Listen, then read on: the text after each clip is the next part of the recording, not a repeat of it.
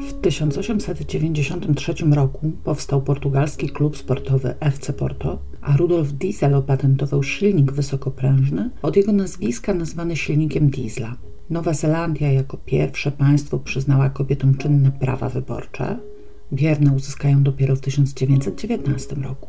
Hokeiści Montreal Hockey Club zdobyli pierwszy puchar Stanleya, Major armii japońskiej Yasumasa Fukushima zakończył 16-miesięczną podróż konną z Berlina do Władywostoku, a w Republice Południowej Afryki znaleziono diament o masie 995,2 karata. W Paryżu zaś pojawiły się pierwsze na świecie rejestracje samochodowe, mocowane po lewej stronie wozu, tablice rejestracyjne. Oprócz numeru zawierały także nazwisko właściciela i jego adres. W 1893 roku Feliksa Kozłowska doznała pierwszego objawienia, które wraz z kolejnymi zostanie opisane w dziele Wielkiego Miłosierdzia i stanie się podstawą religii mariawickiej. W Krakowie założono pierwszy klub szachowy w Polsce, a w Warszawie Warszawskie Towarzystwo Łyżwiarskie, które wkrótce przyjęto do Międzynarodowej Unii Łyżwiarskiej JESU powstały Socjaldemokracja Królestwa Polskiego oraz Polska Partia Socjalistyczna Zaboru Polskiego, a we Wrocławiu, ówczesnym niemieckim Breslau, uruchomiono pierwszą na dzisiejszych ziemiach polskich linię tramwaju elektrycznego. Dzień dobry wieczór. Pewnie chcielibyście wiedzieć, co nagle robimy w 1893 roku? Otóż nie da się ukryć, że nie byłoby żadnej sprawy karnej, ani nawet sprawnie funkcjonującej policji, gdyby nie kryminalistyka. Ponieważ często opowiadam Wam o różnych rodzajach zabezpieczonych śladów czy konkretnych czynnościach przeprowadzanych przez policję, chciałabym dziś dorzucić parę zdań o tym, skąd to się wzięło i dlaczego tak się robi. No dobrze, w kilku zdaniach na pewno się nie zmieszczę, ale postaram się nie nudzić. Mam nadzieję, że jeśli opowiem trochę o pewnych założeniach teoretycznych, łatwiej Wam będzie potem odnieść to do praktyki i lepiej wyobrazić sobie te zagadnienia, kiedy będę o nich mówić w przyszłości. Na początek zatem trochę teorii. Mamy dwa pojęcia, dwie dziedziny nauki, które w kontekście prowadzenia śledztwa są wymieniane niezwykle często i niezwykle często też mylone: kryminologię i kryminalistykę. Termin kryminologia pochodzi z łacińskiego słowa crimen przestępstwo, zbrodnia i greckiego logos nauka. Tak więc w znaczeniu słownikowym jak najbardziej kryminologia jest po prostu nauką o przestępstwie. W prawie polskim przyjęto jednak definicję mówiącą o tym, że kryminologia to nauka społeczna zajmująca się badaniem i gromadzeniem całościowej wiedzy na temat przestępstwa jako pewnej szczególnej formy zachowania, przestępczości jako pewnego zjawiska społecznego, osób sprawcy i ofiary przestępstwa, a także instytucji i mechanizmów kontrolnych, jakie tworzą społeczeństwa w celu zapobiegania i zwalczania przestępczości. A co to znaczy po polsku? Kryminologiem będzie zarówno specjalista od zjawiska przestępczości jako takiej w Polsce czy w konkretnym mieście, jak również specjalista od przestępczości nieletnich czy przestępczości zorganizowanej, a także wiktymolog, czyli specjalista od roli ofiary w przestępstwie. Kryminologowie rzadko kiedy pracują jako policjanci bezpośrednio przy czynnościach w sprawie, najczęściej występują jako analitycy, którzy na podstawie określonego fragmentu akt sprawy mają się do niej odnieść w szerszej perspektywie, nadać właściwy kontekst. Za pierwszego kryminologa uważa się powszechnie włoskiego lekarza i antropologa Cesare Lombroso, który zasłynął wydawaną od 1876 roku trzytomową książką Człowiek zbrodniarz w stosunku do antropologii, jurysprudencji i dyscypliny więziennej. Zbrodniarz urodzony, obłąkaniec zmysłu moralnego. W pracy tej przedstawiał rezultat swoich wieloletnich badań nad cechami fizycznymi, które mają determinować wystąpienie u człowieka zachowań przestępczych. Badania te prowadził za pomocą technik antropometrycznych, czyli inaczej mówiąc betkilonażu, metody identyfikacyjnej będącej poprzednikiem daktyloskopii, o której jeszcze Wam kiedyś opowiem. Drugim kontrowersyjnym dziełem Lombroso który tak naprawdę miał na imię Ezekia, gdyż był Żydem z Werony, a imienia Cezare używał jedynie jako pseudonimu, była kobieta jako zbrodniarka i prostytutka, opisująca badania autora, również antropometryczne, nad wrodzonymi predyspozycjami kobiet do popełniania czynów zabronionych. Z uwagi na badania Lombroso, początkowo zakres zainteresowań dzisiejszej kryminologii określano właśnie jako antropologię kryminalną. Sam termin kryminologia pojawił się w tytule pracy naukowej w 1885 roku. No dobrze, skoro już wiemy, czym kryminalistyka nie jest, to znaczy, że nie jest kryminologią, spróbujmy stwierdzić, czym jest. Zacznijmy od tego, skąd się wzięła. Na przełomie XIX i XX wieku w bardzo krótkim czasie miało miejsce wiele bardzo radykalnych zmian społecznych. Rewolucja przemysłowa spowodowała gwałtowny rozwój miast i idącą za nim masową migrację ludności z terenów wiejskich do miasta. Nagły przyrost ludności miast spowodował wzrost anonimowości, alienację i osłabienie kontroli społecznej. Pojawiające się falowo kryzysy gospodarcze powodowały wzrost bezrobocia, ubóstwa i bezdomności. Wszystko to rodziło frustrację i napięcie, a to z kolei powodowało skokowy wzrost przestępczości. Oznaczało to konieczność znalezienia nowych, skutecznych metod walki z przestępczością, które jednak nie mogły być związane z torturami czy wymuszaniem przyznania się do winy, ze względu na oświeceniowe zmiany w przepisach państw europejskich, wprowadzające szeroką ochronę praw człowieka. W sferze procedury prawnej w zapomnienie odchodził wreszcie niesławny proces inkwizycyjny, zastępowany nowoczesnym procesem kontradyktoryjnym czyli takim, podczas którego strony toczą ze sobą spór przed organem, który ma go rozstrzygnąć.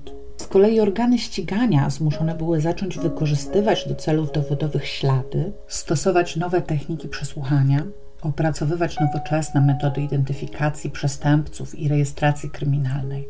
Sprzyjał temu powiązany z tą samą rewolucją przemysłową rozwój nauk przyrodniczych i technicznych oraz medycyny sądowej. Istotne było także, znów związane z gwałtownym rozrostem miast i wzbierającą falą przestępczości miejskiej, powstanie wyspecjalizowanych jednostek policji kryminalnej. Za pierwszą profesjonalną służbę śledczą uznajemy dziś powstałą w latach 1811-1812 w Paryżu Brigade de Sûreté, Brygadę Bezpieczeństwa. Pomysłodawcą, twórcą i szefem tej jednostki był Eugène François Vidot, były żołnierz, a późniejszy awanturnik i złodziej, który w pewnym momencie swojego życia stwierdził, że jego szerokie doświadczenie może w zasadzie być cenne dla stróżów porządku publicznego.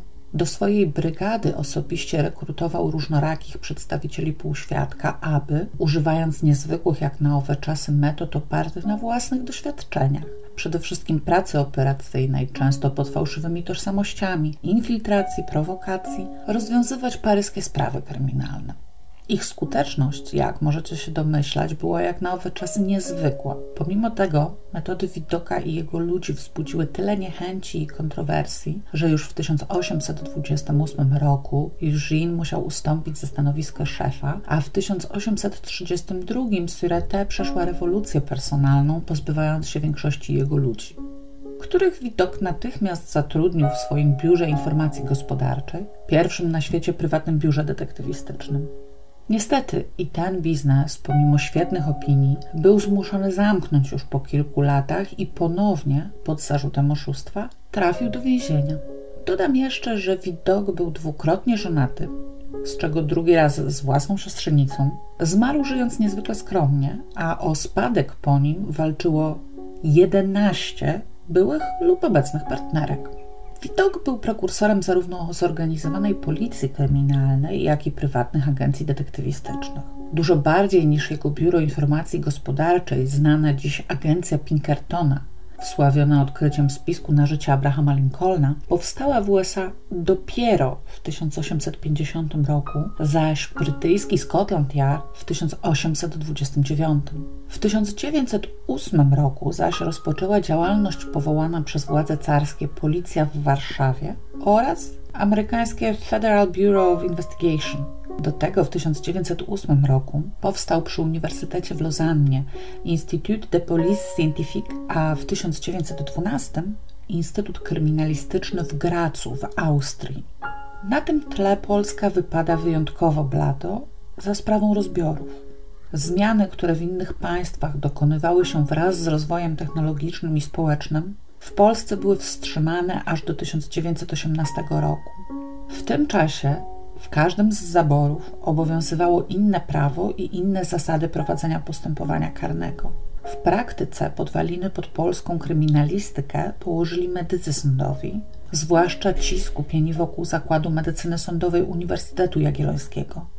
Ludwik Teichmann, Leon Wachholz, Jan Stanisław Olbrycht, Leon Blumenstock-Halban. Dopiero w 1927 utworzono w Warszawie Laboratorium Kryminalistyczne Centrali Służby Śledczej, a dopiero w 1931 roku jego kierownictwo objął pierwszy kryminalistyk, nie będący z wykształcenia medykiem sądowym, Władysław Sobolewski.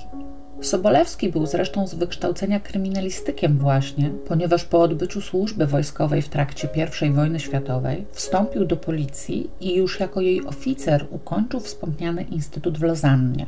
Chociaż pojedyncze wykłady odbywały się na uniwersytetach warszawskim i łódzkim już od 1946 roku, to jednak pierwszą katedrę kryminalistyki powołano dopiero w 1953 roku na Uniwersytecie Warszawskim. Już od początku w polskiej kryminalistyce było więc bardzo dużo do nadrabiania. A dlaczego podałam Wam na wstępie ciekawostki z roku 1893? Otóż tą właśnie datę przyjmuje się obecnie za początek kryminalistyki jako nauki. O ile matką naszej bohaterki jest bez wątpienia medycyna sądowa, o tyle ojcostwo możemy przypisać już bardzo konkretnej osobie Hansowi Grossowi.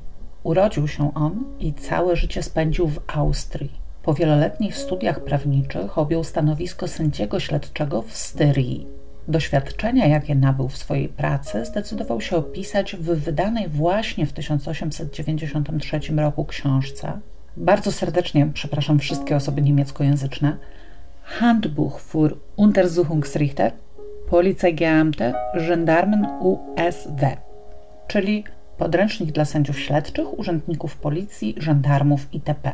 W późniejszych wydaniach tytuł miłosiernie skrócono do Handbuch für Kriminalistik, a wydań tych do wybuchu I wojny światowej ukazało się ponad 10. Podręcznik Hansa Grossa jako pierwszy w jednym miejscu zebrał całą wiedzę o ówczesnych możliwościach badania śladów zabezpieczonych na miejscu zdarzenia, grupując ją w rozdziałach o zabawnych dziś tytułach takich jak zastosowanie fizyka czy zastosowanie geologa. O ile zastosowanie fizyka zupełnie słusznie kojarzy nam się z badaniami właściwości fizycznych różnych substancji, o tyle w ramach zastosowania geologa Gross proponował na przykład badanie gleby wciśniętej we wzór podeszwy obuwia w celu odtworzenia drogi przemieszczania się osoby obuwie noszącej. W czasach, że tak powiem, przedasfaltowych był to pomysł tyleż prosty, co skuteczny. Ponadto ze swojej praktyki sędziego śledczego dorzucił jeszcze kilka interesujących pomysłów, jak na przykład zastosowanie fotografa. Postulował wykorzystanie w śledztwie zarówno zdjęć dowodów rzeczowych czy osób podejrzanych, ale także mikrofotografii oraz zdjęć w świetle podczerwonym lub ultrafioletowym. Skrupulatność i pomysłowość Grossa w połączeniu z doświadczeniem współczesnych mu medyków sądowych dały początek temu, co dziś znamy jako kryminalistykę. Ale właśnie, co to dokładnie jest? Niestety, ilu autorów piszących o kryminalistyce, tyle tak naprawdę definicji.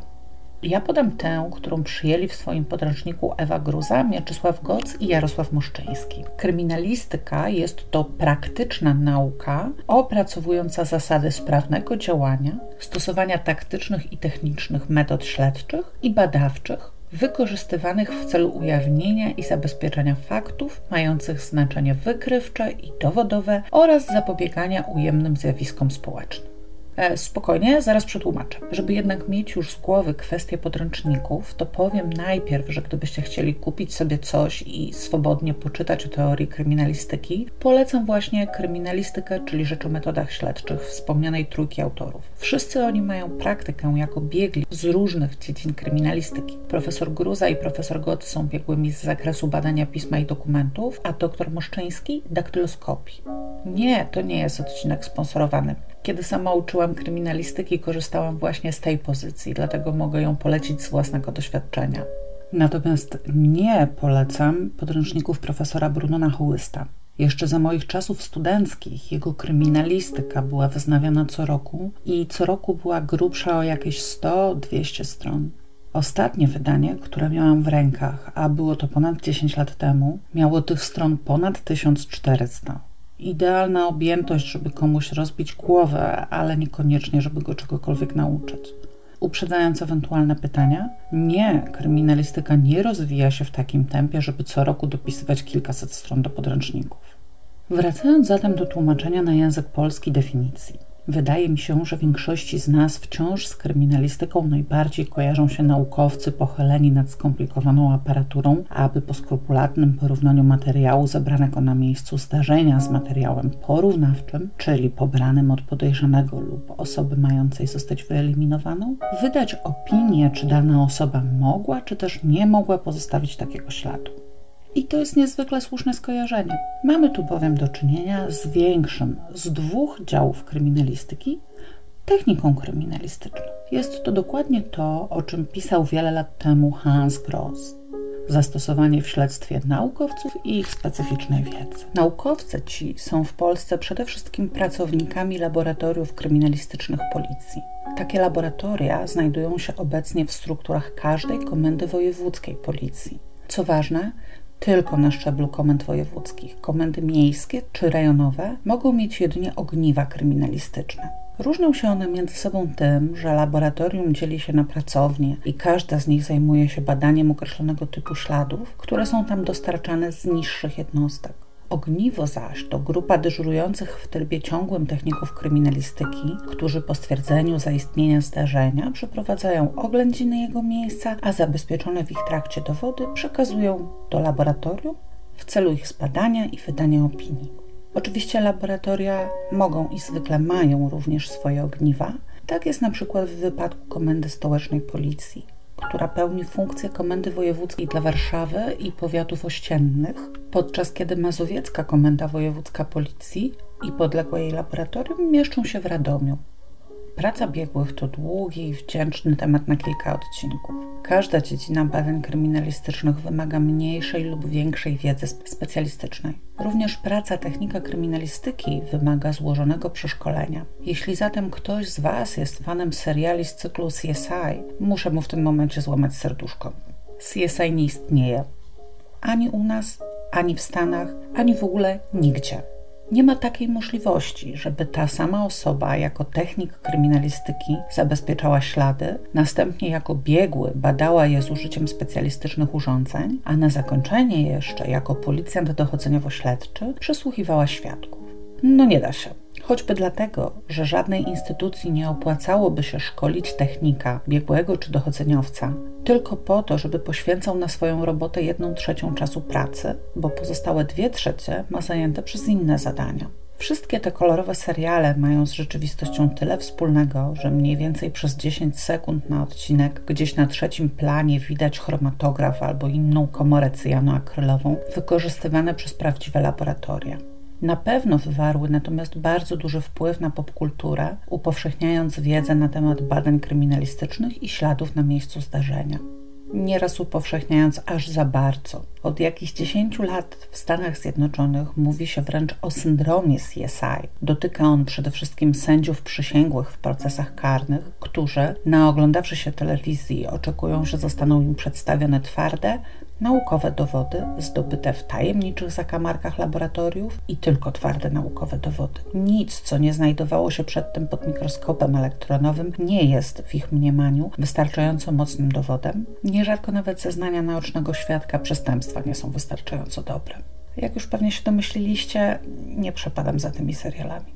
Jeśli pozwolicie na małą dygresję, Wspomniana przeze mnie komora cyjanoakrylowa służy do ujawniania odcisków palców naniesionych substancją potowo-tłuszczową, czyli niewidoczna.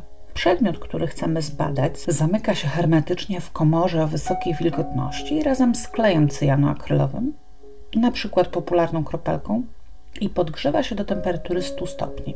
Kiedy klej zaczyna parować, osadza się na substancji potowo-tłuszczowej odcisku, w ten sposób go wybarwia i ujawnia. Chętnie Wam kiedyś opowiem o wyjątkowo ciekawej sobocie, jaką spędziłam wiele lat temu w towarzystwie pewnej komory cyjanoakrylowej.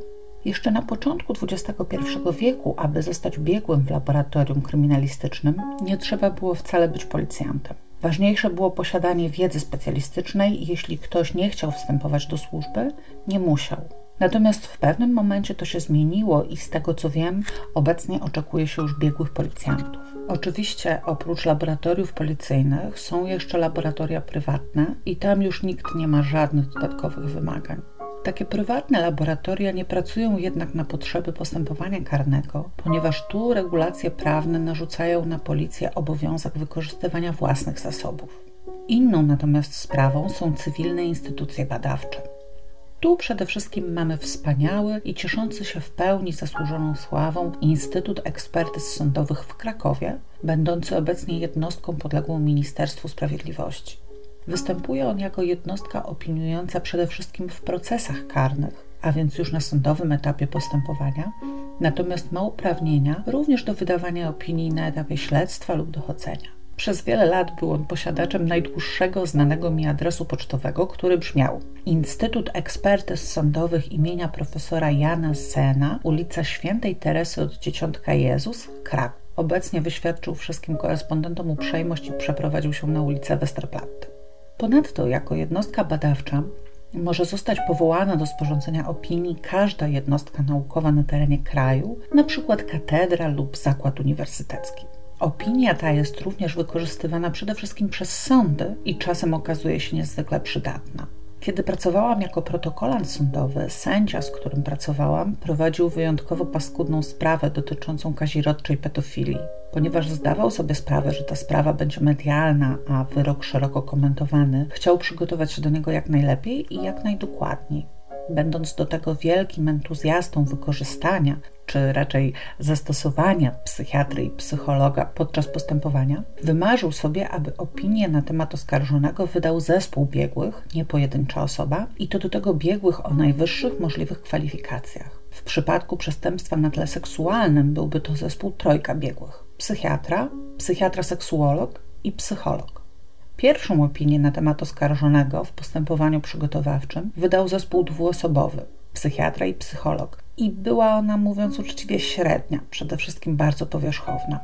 Ważne jest to, że oskarżony nie mógł być umieszczony na obserwacji sądowo-psychiatrycznej. Podlegał tymczasowemu aresztowaniu i nie mógł być przeniesiony do szpitala psychiatrycznego, ponieważ istniało bardzo wysokie prawdopodobieństwo, że będzie mataczył i utrudniał śledztwo. Pomysł sędziego wydawał się zatem całkiem słuszny, tylko że niestety ten świat jest już tak paskudnie urządzony, że jego wykonanie spadło na mnie. Tak to działa w sądach. Sędzia wymyśla, protokolant wykonuje. Poszukiwania biegłych, którzy podejmą się sporządzenia opinii, musiałam zacząć od lekarza seksuologa. Było to ważne, ponieważ specjalizację z seksuologii mogą mieć też psychologowie, ale sędzia potrzebował lekarza psychiatry. Po trzech tygodniach wiszenia na telefonie porozmawiałam osobiście z każdym lekarzem seksuologiem w województwie oraz z większością w sąsiednich województwach. Każdy po kolei odmawiał mi niezwykle uprzejmie i niezwykle twardo, najczęściej zasłaniając się olbrzymią ilością wcześniej przyjętych opinii lub brakiem zespołu opiniującego, z którym stale współpracuję. Znając akta sprawy, nie mogłam mieć pretensji, ale w końcu musiałam poinformować sędziego, że nic z tego. Na szczęście był twardy i stwierdził, że wobec tego powołuje jednostkę naukowo-badawczą, a konkretnie Zakład Psychiatrii Dorosłych naszego Uniwersytetu Medycznego, której kierownik, tak się przypadkiem złożyło, był jednocześnie wojewódzkim konsultantem do spraw seksuologii i odmówił mi już wcześniej sporządzenia opinii. W takim rozwiązaniu był bardzo fajny haczyk. Jednostka naukowo-badawcza powołana postanowieniem sądu nie może odmówić sporządzenia opinii. Już kilka dni później zadzwoniła do mnie sekretarka z zakładu, żeby ustalić sposób dostarczenia akt i oskarżonego na badania. Ale co sobie wcześniej podzwoniłam, to moje. Państwo biegli sporządzili naprawdę rewelacyjną opinię i potem podczas czterogodzinnego przesłuchania brawurowo obronili ją przed sądem. Oskarżony został skazany w górnym wymiarze ustawowego zagrożenia. Oprócz biegłych wykonujących swoje żmudne badania, ze słowem kryminalistyka kojarzą się także panowie, i panie, całkiem sporo pań, w charakterystycznych czarnych wdziankach, kawałek po kawałku oglądający miejsce zdarzenia, zabezpieczający ślady i fotografujący całość, czyli technicy kryminalistyki. I tu znów pozwólcie na dygresję. Dlaczego mówi się miejsce zdarzenia, a nie przestępstwa? Ponieważ w momencie oględzin nie jest jeszcze zwykle wiadomo, czy faktycznie doszło w tym miejscu do przestępstwa, czy tylko do wypadku lub zdarzenia naturalnego. Dlaczego nie zbiera się śladów kryminalistycznych, tylko się je zabezpiecza? Ponieważ przy zwykłym zbieraniu ślad można zabrudzić lub zniekształcić i pozbawić w ten sposób możliwości wykorzystania jako dowód przed sądem.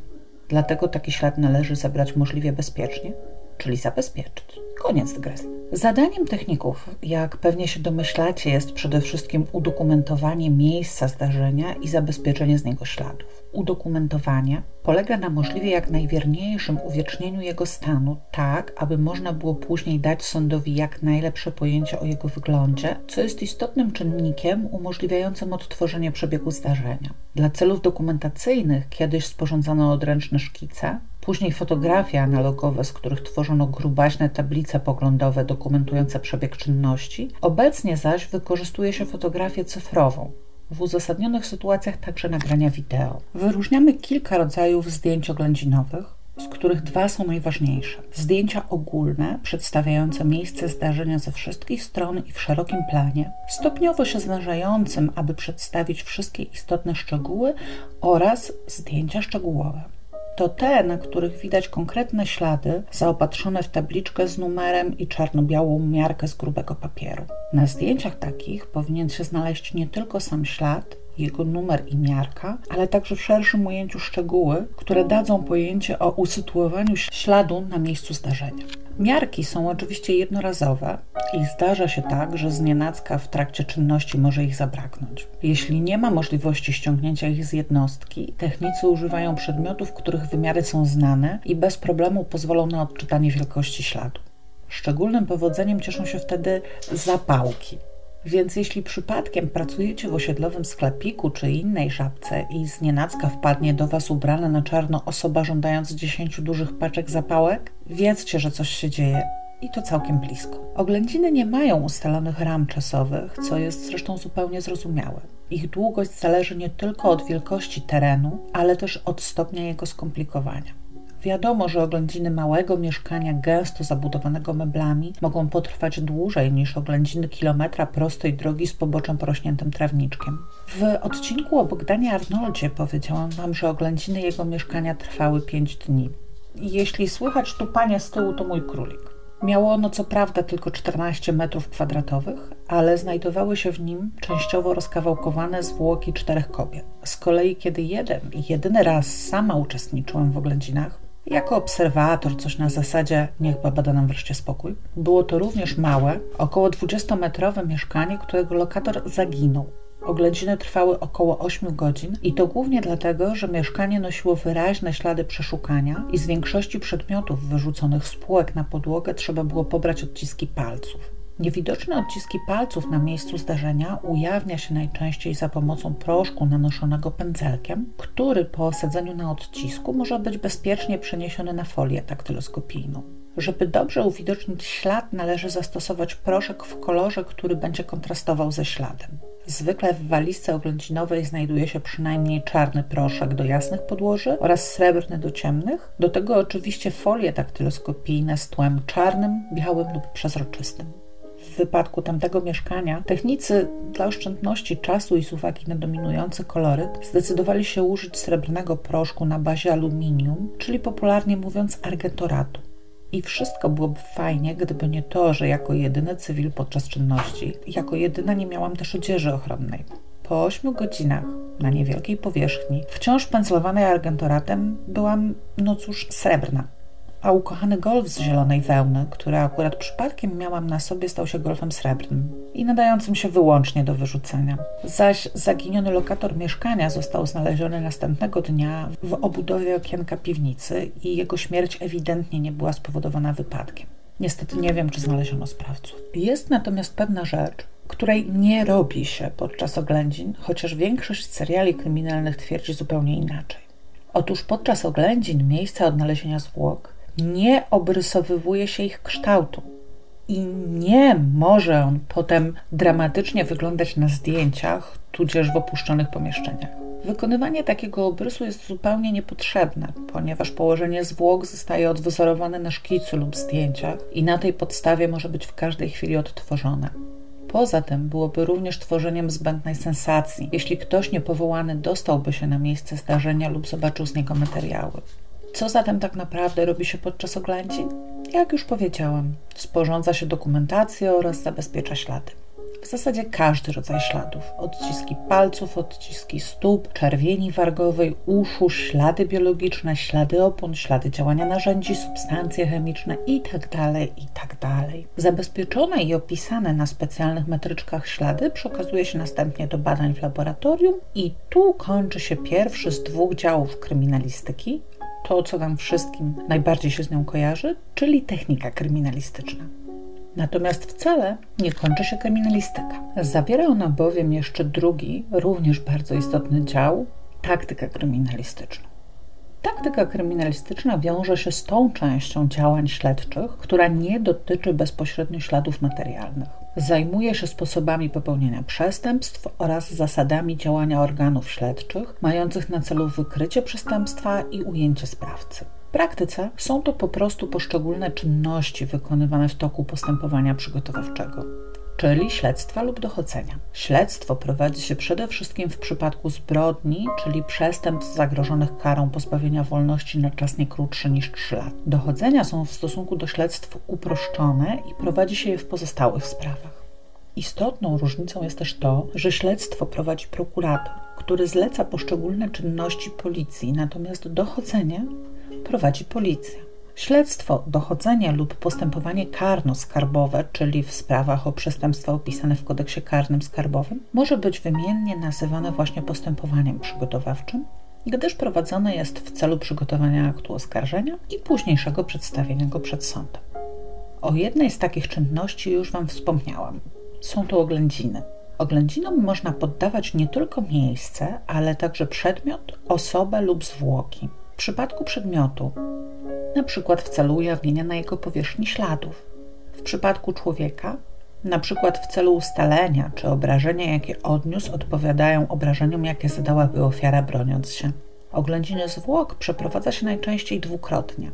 Po raz pierwszy na miejscu ich znalezienia, w celu ustalenia możliwej przyczyny śmierci, możliwego przebiegu wypadków, które do niej doprowadziły oraz w poszukiwaniu ewentualnych wskazówek co do dalszych możliwych śladów. Po raz drugi oględzin dokonuje się na sali sekcyjnej. Zwłoki są wtedy już rozebrane i obmyte, i oględziny takie, mające na celu ustalenie widocznych zewnętrznych obrażeń i cech szczególnych, są już jednym z etapów sądowo-lekarskiej sekcji zwłok. Jeśli mamy do czynienia ze zwłokami o nieustalonej tożsamości, na etapie oględzin zewnętrznych przed sekcją pojawiają się ponownie technicy kryminalistyki, których zadaniem jest wtedy pobranie od osoby zmarłej odcisków palców i umieszczenie ich na karcie daktyloskopijnej. Ponieważ z uwagi na zmiany pośmiertne palcami zwłok nie można dowolnie operować, do pobierania z nich odcisków palców używa się kawałka metalu wygiętego jak rynienka, do którego wsuwa się kawałek papieru, na którym można odbić palec ze wszystkich stron. Przedmiot ten znany jest jako trupia łyżka. Kolejną czynnością jest przeszukanie, które również może dotyczyć kilku podmiotów: człowieka, pomieszczenia, środka transportu bądź terenu. Przeszukanie człowieka obejmuje także jego odzież oraz cały bagaż, jaki przy sobie posiada. Oraz samego człowieka. Owszem, znane z filmów więziennych przeszukiwanie otworów ciała jak najbardziej ma miejsce. Z narzuconym przez przepisy obowiązkiem wykonania całej czynności przeszukania człowieka, podobnie jak oględzin, przez osobę tej samej płci. Przy przeszukaniu pomieszczenia lub środka transportu oczywiście zwraca się uwagę także na możliwe schowki, podobnie jak przy przeszukaniu terenu otwartego, na wszelkie jego konfiguracje mogące pomóc w ukryciu przedmiotów lub nawet osób mających związek z przestępstwem.